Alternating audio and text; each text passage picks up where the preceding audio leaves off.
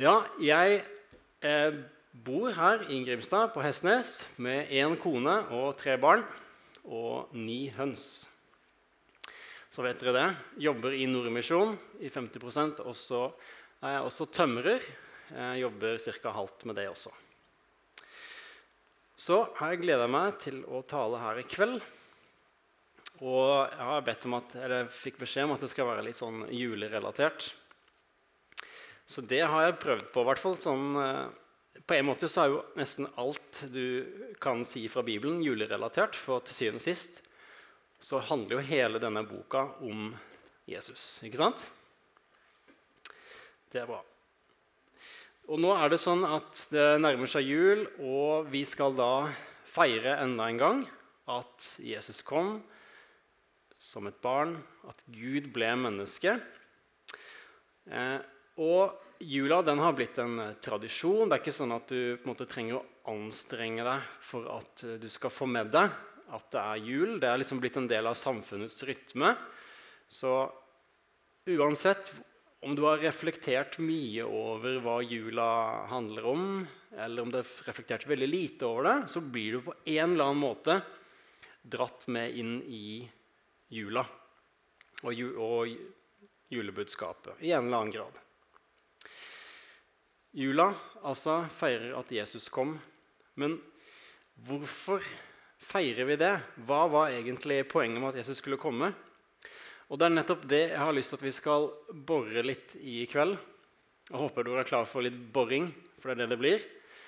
I hva var egentlig poenget med at Jesus skulle komme? Vi feirer det hver jul. Vi, vi på en måte regner det som en helt sånn sentral del av den kristne troa. Hvorfor kom Jesus egentlig? Hvorfor er det verdt å feire? Og Vi kan egentlig formulere spørsmålet på en litt annen måte og si hva er egentlig greia med kristendommen. Kristendommen sier at her, vi har noen gode nyheter, vi har et godt budskap som vi vil at dere skal høre. Hvorfor er det et godt budskap? Hvorfor er det verdt å høre på? Og Som du leste i stad fra Lukasevangeliet, så sier englene Frykt ikke, jeg kommer til dere med bud om en stor glede. En glede for hele folket. I dag er det føtter en frelser i Davids by. Han er Kristus Herren. Hvorfor er dette et gledesbudskap? For det er det englene sier at det er. De kommer med et gledesbudskap. Hvorfor er det det? Og evangeliet, Vi, vi har jo Matteus, Markus, Lukas Johannes evangeliet. ikke sant? Og sikkert mange av dere har fått med dere at evangeliet det er, er egentlig et gresk ord som betyr gode nyheter. Og hvorfor er dette gode nyheter? Hvorfor tenker vi kristne at at budskapet, det vi liksom har lyst til å formidle, at det er gode nyheter. Og hva er det som gjør dette til gode nyheter? Spør du en tilfeldig kristen person hva er de gode nyhetene som kristendommen kommer med, så vil nok de fleste svare at Jesus døde for dine synder, som gjør at du kan ha fellesskap med Gud.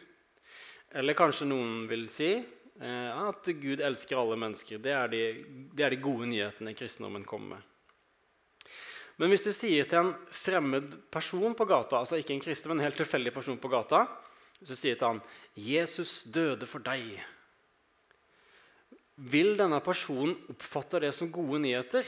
Og det interessante er hva i tilfelle, eller hvorfor oppfatter han det som gode nyheter, eller hvorfor oppfatter han det som dårlige nyheter?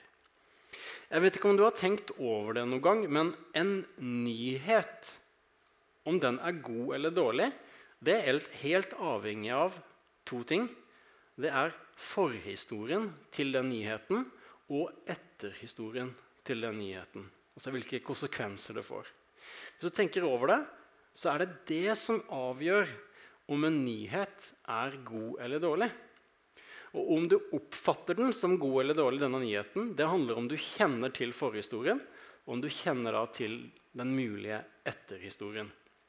Og Bare for å illustrere det her litt Hvis jeg sier til deg at Monterrey vant over Morelia Er det gode eller dårlige nyheter? Jeg vil tippe at ingen av dere her kan liksom si Det vet jeg er gode nyheter. For det er to lag i den meksikanske A-serien for fotball. Og Jeg tipper det er kanskje ingen her som følger med på det. Er det noen som følger med på det? Nei. Så det, at det er ingen av dere som kjenner til på en måte historikken i A-serien i Mexico. Så det er ingen av dere som vet om det er liksom gode nyheter at det vant. Og så er det sånn ja, Fotball er jo på en måte, Noen sier at det er liksom det viktigste av de uviktige tinga. Ja, mulig. Jeg er ikke helt sikker på det. Men hvis vi sier at Monterrid og Morelia det er faktisk to forskjellige presidentkandidater i Mexico. Den ene er skikkelig bra, den ene er skikkelig dårlig. Og han som er skikkelig dårlig, han har nå vært i 20 år. Men nå har han som er veldig bra, nå har han faktisk vunnet valget. Så nå tror folk at nå blir det bedre tider. Nå er de veldig lei av, av å ha hatt 20 skikkelig dårlige år, men nå tror de at nå kan det bli en endring. Hvis, hvis, hvis, hvis det var det som var Monterrey og Morelia, disse to presidentkandidatene, så kan vi liksom sette oss inn i det og skjønne ja, Hvis du kjenner til forhistorien, og du vet at dette kan bety en varig endring for landet vårt, så skjønner du at ja, jeg skjønner at det er gode nyheter for de som faktisk bor der. Evangeliet, som betyr gode nyheter. Hva var det egentlig Jesus sa sjøl når han skulle presentere disse gode nyhetene? Jeg vet ikke om du har tenkt over det noen gang, eller har tenkt at det skal jeg finne ut av. Hva sa egentlig Jesus sjøl om disse gode nyhetene? For de som var, kom etter Jesus, de, liksom, de, kalte det her for gode nyheter. ikke sant? Men hva var det egentlig Jesus sa sjøl? Én ting er jo hva, hvis du spør en lang krist, tilfeldig kristen hva er de gode nyhetene som kristendommen kommer med? Ja, Det er interessant å høre hva de sier, men er du ikke enig i at det er enda mer interessant å høre hva Jesus sa sjøl? Og Markus, når han skal oppsummere Jesu budskap, så gjør han det på følgende måte. Det kan vi finne i Markus 1, eh, vers 14. Og Da sier han etter at Johannes var blitt fengslet, kom Jesus til Galilea og forkynte Guds evangelium. Altså Han kom til Galilea og forkynte Guds gode nyheter. Og han sa, 'Tiden er inne, Guds rike er kommet nær. Vend om og tro de gode nyhetene.' Som er da peker tilbake på begynnelsen av setninga, de gode nyhetene om at tiden er inne, og Guds rike er kommet nær. Hvorfor er det gode nyheter at Guds rike er kommet nær? For Når Markus skal liksom oppsummere Jesu budskap, om, når Jesus sier at han kommer med gode nyheter, hva er, okay, hva er de gode nyhetene? Hva sa Jesus sjøl? Han sier jo, de gode nyhetene er at nå er tiden inne. Guds rike er kommet nær. Og Jesus han utdyper hva, hvilke konsekvenser dette her har å si. For han, I en scene der han går inn i en synagoge og så leser han en profeti fra Jesaja, som egentlig er en kan kalle det gjerne en sånn programerklæring, der han sier at ok, tiden er inne, Guds rike er kommet nær. Dette er det som skjer nå. Dette, det, dette betyr dette som kommer nå. Og Der står det Herrens ånd er over meg, for han har salvet meg til å forkynne et godt budskap for fattige. Han har sendt meg til å rope ut at fanger skal få frihet, at blinde skal få syn igjen, for å sette undertrykte fri, og rope ut et nådens år fra Herren. Så Jesus sier at ok, nå skjer det, nå er tiden inne, Guds rike kommer. og Det er dette her som skjer. Det er et nådens år fra Herren. Fanger skal få sin frihet, blinde skal få syn igjen. Men hvorfor, hvorfor er dette gode nyheter, da? Hvorfor er det gode nyheter, det som Jesus sa nå? Og som jeg sa med dette her rare eksempelet med de to meksikanske fotballagene, så er det sånn at du må kjenne til forhistorien og den mulige etterhistorien for å skjønne at selve nyheten, om den er god eller dårlig. Og Sånn er det også hvis du hadde sagt til en eller annen tilfeldig person som ikke har noe sånn særlige referanser eller innsikt i kristen tro, og så sagt det at skal høre fantastiske, gode nyheter. Jesus Han sa at 'Herrens ånd er over meg'. Og så, så leste du hele den greia. Den personen bare øh, OK. Er det Vet ikke om det er gode nyheter. Det er mulig. Det er en helt meningsløs nyhet hvis ikke du kjenner til forhistorien eller den mulige etterhistorien. Og Det er nettopp derfor jeg vil at vi skal bruke litt tid på å få tak i hva er forhistorien til denne nyheten og den mulige etterhistorien som gjør selve nyheten til det som Kirka har påstått i 2000 år, at dette er gode nyheter. Og For å få tak i det så må vi faktisk begynne omtrent helt på side 1 i Bibelen. Ok, så det vi skal gjøre nå, det er å få tak i forhistorien til denne gode nyheten. Håper dere blir med på det. Og omtrent fra side 1 så, Eller egentlig ikke omtrent, men fra side 1 så begynner vi å få tak i hvorfor dette her er gode nyheter. Der kan vi lese at Gud skaper verden. Han slår fast gang på gang at han er skapt er godt. Men en eller annen grunn så skaper Gud mennesket med muligheten til å, å stole på Gud. Og derfor også muligheten til å ikke stole på Gud. Og Det er nettopp denne muligheten som slangen gjør Eva og Adam bevisst på. Og den muligheten benytter de seg av.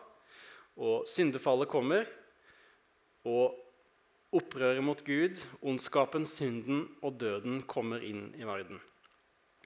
Men da, omtrent fra side 1 i Bibelen så gis det et hint om at Gud har en skikkelig stor plan for å knuse ondskapen og synden i verden. Og Det er nettopp denne store planen Jesus refererer til når han sier i Markus Nå skjer det. Tiden er inne. Han refererer han til Israels flere tusen år lange historie om at det er gitt et løfte om at Gud en eller annen gang i framtida skal gripe inn og redde hele greia. Og der, omtrent på side 1 i Bibelen, ikke helt da, men nesten, første Mosebok, kapittel 3, vers 15, så står det noen ord som du kanskje har lagt merke til. Der sier Gud til slangen følgende Jeg vil sette fiendskap mellom deg og kvinnen, mellom ditt avkom og hennes ett. Den skal knuse ditt hode, men du skal hogge den i hælen. Så det, som, måte, det, bildet som tegnes her, det er det at det skal komme en fra Evas ett, altså et menneske, som skal knuse ondskapen, som er her da, som, er, slangen er et bilde på. Han skal knuse ondskapen. Men når denne personen skal knuse ondskapen, så skal han sjøl bli bitt i hælen, altså dø. Ringer det noen bjeller hos deg da? Kanskje? Men altså, allerede da, nesten fra side 1 i Bibelen så gis det et løfte om at det skal komme en person som skal redde hele greia. Han som skal knuse ondskapen i verden. Gode nyheter, det forutsetter gjerne et problem. F.eks. at sånn som jeg sa det eksempelet i sted, at det har vært en korrupt president nå i 20 år tøffe greier, vært vanskelige tider. Men nå skjer det noe. ikke sant? Det, det er problemet. Og vi kan lett, lett tenke at eh, det som er problemet, som på en måte ligger før de gode nyhetene om Jesus, det er at det er så mye ondskap i verden. Men det er faktisk, hvis vi tenker oss litt nøye om, så er det faktisk ikke det som er problemet. For Gud han har sagt han skal fjerne ondskapen. Og Mest sannsynlig så hadde det vært kjempelett for Gud å gjøre det på null komma niks. Gud kunne sikkert bare knipsa, så har det hele ondskapen, alt som er ondt og vondt i verden, vært borte på null komma niks. Men problemet er ikke at det finnes ondskap, men hvordan kan Gud få synden og ondskapen ut av verden uten at menneskeheten går med i dragsuget? Det er det som er kjerneproblemet som ligger forut for den gode nyheten. Nå skjer det, nå er tiden inne, her kommer løsninga. Problemet som den gode nyheten kommer på bakgrunn av, er hvordan kan Gud få ondskapen, og så fullføre det løftet sitt om at det skal komme en som knuser slangens hode? Hvordan kan få ut ondskapen av verden uten at menneskeheten kan, skal gå med i dragsuget? Det er utfordringa. Det er problemet. Og så kan du si Hvorfor i all verden skulle menneskeheten gå med i dragsuget? Jeg er jo sånn gjennomsnittlig snill fyr. Ikke sånn, Skiller meg ikke ut verken den ene eller andre veien. Hvorfor skulle jeg gå med i dragsuget? Og Da skal jeg bare forklare akkurat det. Hvorfor du også ville ha gått med i dragsuget. Om du er kristen eller ikke, så er vi enige om alle sammen at det er mye vondt og det er mye ondskap i verden. Alle er enige om f.eks. at sexhandel er galt. Alle er enige om at når en 50 år gammel mann kjøper en 10 år gammel jente, så er det galt. Alle er enige om det. Eller alle er enige om at når noen stjeler noe bare fordi de vil ha det, så er det galt. Eller jeg tror også alle er enige om at hvis en dommer lar seg kjøpe for penger, sånn at den uskyldige havner i fengsel. Alle er enige om at det, det, er galt. Og så er det sånn at Gud han har lova å fjerne alt det her. Men han vil ikke bare ta vekk sexhandelen. Gud han vil ta vekk begjæret etter det som ikke er vårt. Og Gud han vil ikke bare ta vekk tyvene, men han vil ta vekk misunnelsen etter det som ikke er vårt. Og Gud han vil ikke bare fjerne de korrupte dommerne, men han vil ta vekk vår trang til å bruke andre mennesker for vår egen fordel. Med andre ord Gud han vil ta problemet, ondskapen, ved rota. Og det er Det betyr problemer for oss. Fordi Jesus han sier det, og med det så sier han hvor røttene sitter. Jesus sier, 'For fra hjertet kommer onde tanker.' Mord, ekteskapsbrudd, hor, tyveri, falskt vitnesbyrd og spott. Altså sier Bibelen at ondskapen er ikke bare noe et problem der ute hos de folka eller den nasjonen eller den personen, eller sånne ting, men den har røtter i ditt eget hjerte. Det er der problemet sitter. Derfor er problemet som evangeliet, de gode nyhetene, klinger på bakgrunn av. Hvordan kan Gud redde verden fra synd og død og ondskap uten at du og jeg går med i dragsuget? Men Gud han har en plan, og gjennom hele Gammeltestamentet så gis det løfter om at det skal komme en person som skal ta et oppgjør med alt som har med ondskap og død og synd å gjøre. Både den personlige, men også den systematiske, altså altså ondskap satt i system i verden. Og Tittelen som denne personen får, er bl.a. Messias, som er det vi hørte er englene brukte. Han er Kristus, som er det greske ordet for Messias. Guds sønn, Davids sønn, menneskesønnen. Han får ulike titler, eh, denne personen som skal komme. Og hvorfor alle disse rare titlene? Jo, det er fordi det er knytta til ulike profetier i Gammeltestamentet om at denne personen skal komme, og han skal komme med et rike. Det er litt sånn rart for oss å tenke. Hvorfor skal, den, hvorfor skal løsninga være et rike? Jo, for det skulle være et rike der disse tinga som representerer det onde i verden, skulle være helt borte. Og Nå skal jeg nevne et par profetier. I Daniel, Daniels bok, kapittel 2, 44, står det men i disse kongers dager Og disse konger det er på en måte denne verdens konger. Altså ikke fra Gud, men denne verdens konger. Skal himlenes Gud opprette et rike som aldri i evighet skal gå til grunne, og ikke bli overgitt til noe annet folk. Det skal knuse og gjøre ende på alle de andre rikene, men selv skal det bestå til evig tid. Og så et annet et fra Esekiel 36, Eh, vers 24-7. Jeg henter dere fra folkeslagene, samler dere fra alle landene og fører dere hjem til deres eget land. Jeg stenker rent vann på dere, så dere blir rene. For all urenhet som skyldes de mange avgudene, vil jeg rense dere. Jeg vil gi dere et nytt hjerte.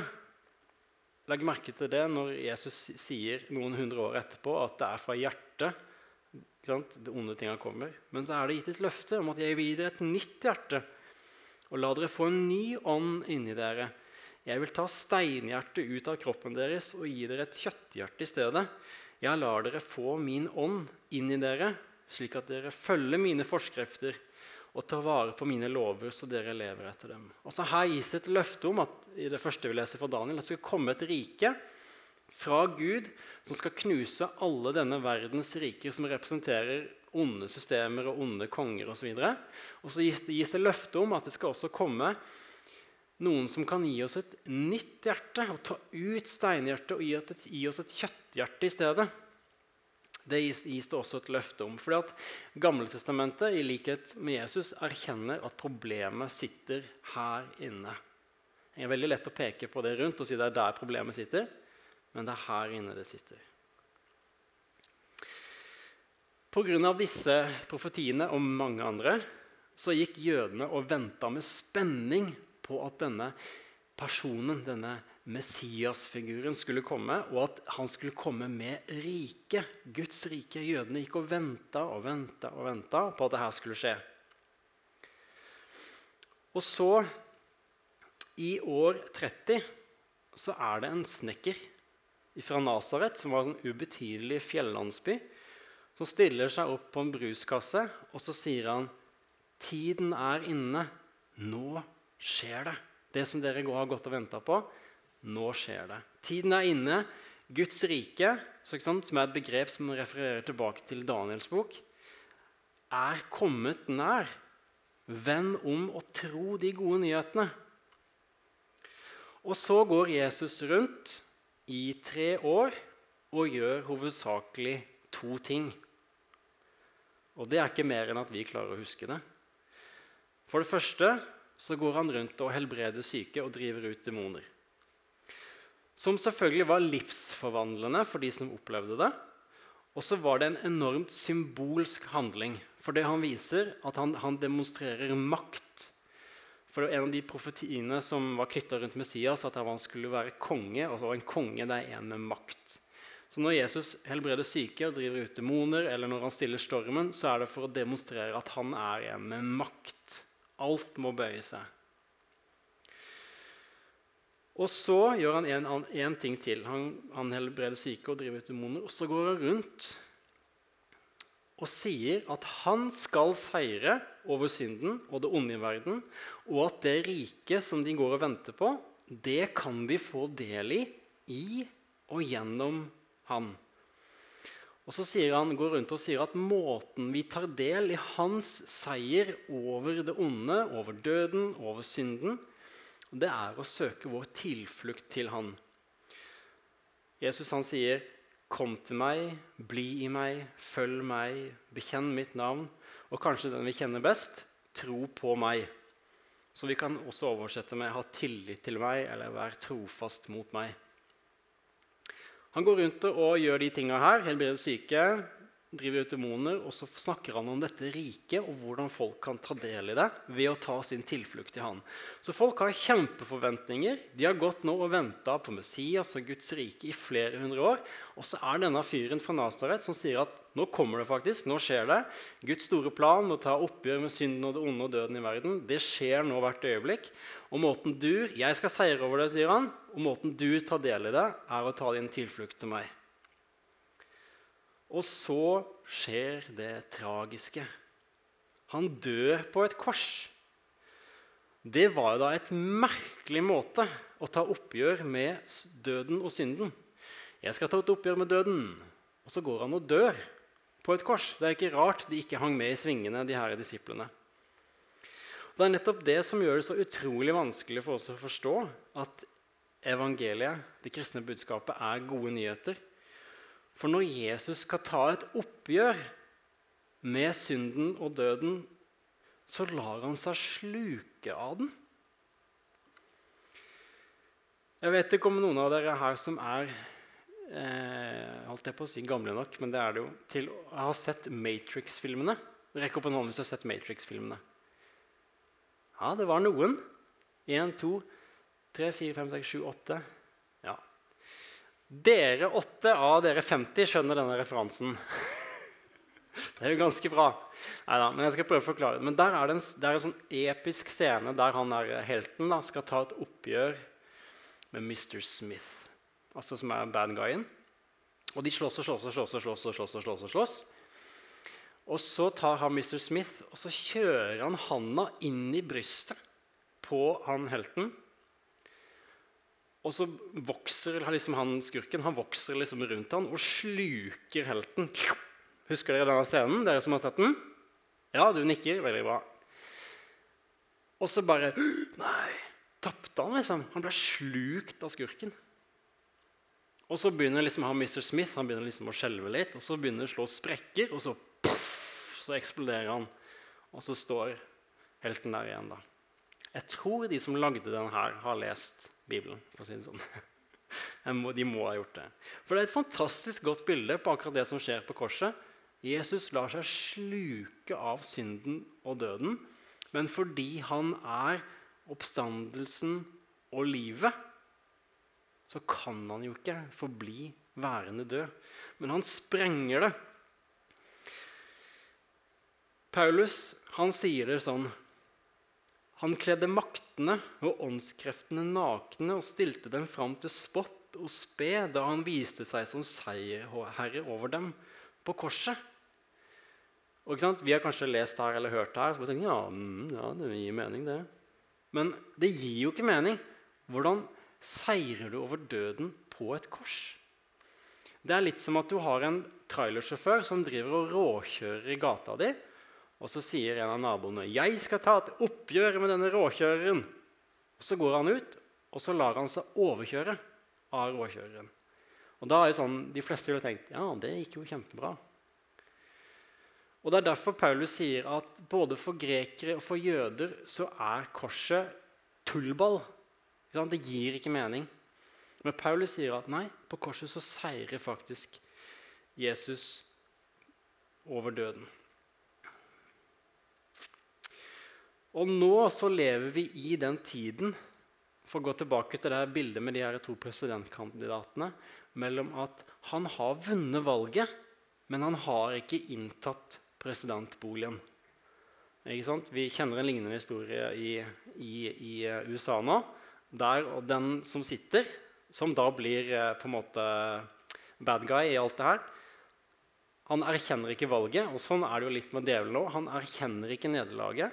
Han klamrer seg fast, men Jesus har vunnet. Det er helt sikkert. Og så kommer det en dag da Jesus, eller den kommende presidenten, virkelig skal innta sin bolig, innta presidentboligen, innta tronen, innta maktsetet Den dagen kommer, og den dagen kaller Bibelen for dommen. Og Jesus han sier det. Sannelig, sannelig, jeg sier dere, den som hører mitt ord og tror på Ham som har sendt meg, har evig liv og kommer ikke for dommen, men er gått over fra døden til livet.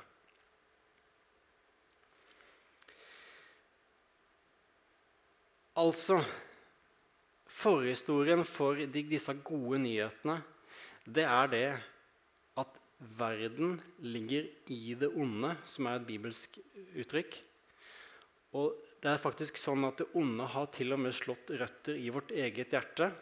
Og hvis Gud skulle bare ut med ondskapen, så hadde vi alle gått med i dragsuget. Men så har Gud denne geniale planen. Han sender en som vi minnes om på julaften, som kommer i kjøtt og blod, blir et menneske, blir en av oss, og som lever et liv helt uten dødskrefter og synd og ondskap. Han lever et helt perfekt liv. Og nettopp han lar seg sluke av døden og synden. Men fordi han er den han er, så sprenger han det. Og så er da de gode nyhetene som klinger på bakgrunnen av det her, at du kan ta del i hans seier over synden og døden ved å søke din tilflukt til ham. Ved å tro på ham, følge ham, bli ham osv. Bibelen bruker mange ord på det. Og så kommer det en dag der Gud skal da Eller knipse, om du vil. Og så er all ondskapen, synden og døden borte. Og de da som har tatt sin tilflukt til Jesus, de står trygge på den dagen som Bibelen kaller for dommen. Og så skal Gud nyskape denne jorda. Og han begynte faktisk med Jesus og hans oppstandelse. Og på den nye jorda så skal ikke disse dødskreftene, syns, syndens krefter, herske. De skal ikke være til stede i det hele tatt. Så hvordan kan vi få plass der? Hvordan kan vi være, unngå å være en del av det problemet som Gud har lova å fjerne? Jo, ved å ta vår tilflukt til Han. Og så tenker jeg Lovsangstimen kan godt begynne å tusle oppover. Hva med deg, du som sitter her i kveld? Gjenkjenner du at du trenger å reddes? Gjenkjenner du at ikke bare verden sitter i klisteret, men at du sitter i klisteret? Og gjenkjenner du at problemet ligger ikke bare hos han irriterende naboen eller han klassekameraten, men det ligger like mye i ditt eget hjerte? Da skal du vite at løftet som har blitt gitt oss om at når vi tar vår tilflukt til Jesus, så står vi trygge, det løftet gjelder også deg. Til, til sin unge lærling Timoteus så sier Paulus Gud vil at alle mennesker skal bli frelst og lære sannheten å kjenne. Og det gjelder også deg. Så derfor, så Hvis du aldri har tatt denne bestemmelsen, så vil jeg utfordre deg. Eller hvis du har tenkt at du har tatt den bestemmelsen, men ut ifra det du har hørt i kveld, så skjønner du at du kanskje ikke har gjort det. Jeg vet ikke. Så si ja, i hvert fall, til Jesu invitasjon til å søke din tilflukt hos ham. Komme til ham, bli i ham, tro på ham og følge ham. La oss be. Kjære Jesus, jeg takker deg for at du var Guds store redningsplan for denne verden, og at du kom til oss den natta eller den kvelden for noe over 2000 år siden, som vi skal feire nå om noen uker. Jesus, jeg ber om at denne jula i år så skal vi virkelig, virkelig tenke over hva dette betyr, og hvordan du var Guds store redningsplan for denne verden. Så ber Jesus fra vi som sitter her inne, at vi virkelig skal ta dette innover oss og takke Jesus for at alle som sitter her, er invitert til å ta vår tilflukt til deg. Og Jesus, vi ser at det er utrolig mye crazy galskap i verden. Og du har lova å ta et oppgjør med det, Jesus. Du lova ikke bare fikse litt på det, men du lova å fjerne det totalt. Og så ber vi Jesus om at vi må få være med og bli med i ditt rike når det kommer for fullt. Amen.